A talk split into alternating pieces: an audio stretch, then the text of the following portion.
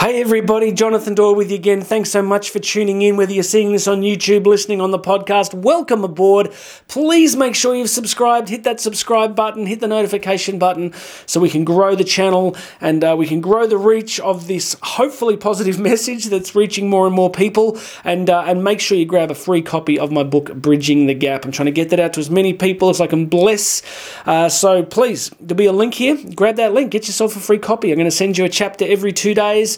You're going to love it, so make sure you do that. Now, today, we're going to talk about a quote from one of the a really interesting guy. His name is Soren Kierkegaard. Try saying that fast. Soren Kierkegaard, really interesting life. He dealt with a lot of sadness, a lot of isolation. He, he was a very solitary figure. He spent a lot of his time just thinking and writing and staring out the window.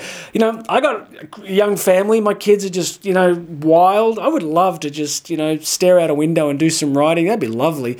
But anyway, Soren uh, Kierkegaard is one of the great philosophers of the last few hundred years. I got a really good quote for him. Let's do it. It is better to try something and fail than to try nothing and succeed. The result may be the same, but you won't be. We always grow more through defeats than victories. All right, where do we start with this one? How good is that last section? We always grow more through defeats than victories. Have you found that to be true in your own life if you think about it? It's often the times where we failed, where things were really hard and difficult, that we really grew and we really changed. You know, if we just win all the time, if we're just constantly winning, I don't know, there's a danger there of kind of hubris, isn't there? Narcissism, of kind of ascribing that your success to your complete and utter brilliance. But it's when we fail that we have to kind of try again, that we grow. So it's beautiful that Kierkegaard here is giving us this simple idea. If we try something and fail, there's a relationship between that and trying nothing, because if we try nothing, we'll always succeed, right? So we'll, we'll succeed in achieving absolutely nothing.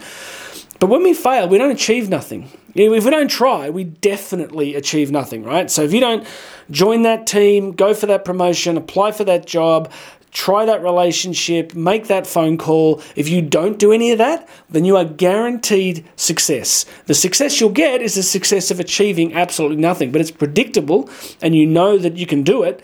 But when you try something, when you actually get out of that comfort zone and try something difficult, the risk of failure is absolutely present, right?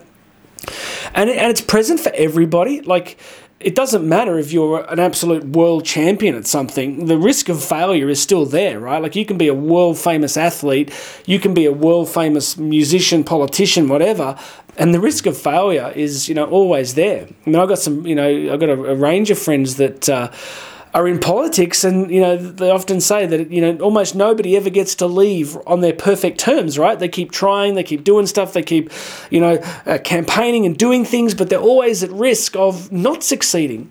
But it's that constant effort and energy of constantly trying things that keeps people in the game.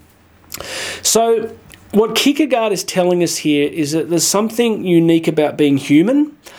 Is that we have this constant invitation to stay exactly as we are, or we have this invitation to grow. If we pursue the invitation to grow, then we're very much at risk of failure, depending on what it is, right? I mean, sometimes we can try things that we know we're going to succeed at because they're not particularly difficult. But isn't it true in your life that when you really try things out of your comfort zone, the risk is ever present? This is the mystery of human life. This is the mystery of personal development, growth, goals, motivation, all this stuff that I'm passionate about, and you probably are too if you're watching is that there's a there's an admission price, isn't there? There's a ticket cost. That if you want to stay exactly the same, you don't have to pay any price. You just do exactly what you did yesterday and things are going to be exactly the same. But I'm here to encourage you to say that if you want something different, you're going to have to try something different. You're going to have to do something, you have to make that call, apply for that job, ask that person out for a coffee. That's scary, right? Because of course it's scary. But it's that ability to confront difficult things that's so beautiful about what it means to be human. So I just want to encourage you. I want to say to you, are you avoiding something at the moment? Is there something that you know you're telling yourself a story about that oh I could do this but I don't want to do this and if I try this it might fail? Go and fail, fail massively. I've been teaching my kids since they were like this big. Fail, do big ones, massive ones. Um, because you know, be frivolous about it. I I'm, I'm having a joke with you here, but don't be afraid to fail. because your failures your failures will change you and they'll strengthen you and they'll push you a little bit closer to where it is that you want to be and you'll be a more complete and full person all right? So get off the metaphorical couch of life. I need to keep getting myself off the couch of life and doing difficult things. All right make sure you've subscribed. Grab a free copy of bridging the gap. God bless your friends. My name's jonathan doyle. I'm going to have another message for you tomorrow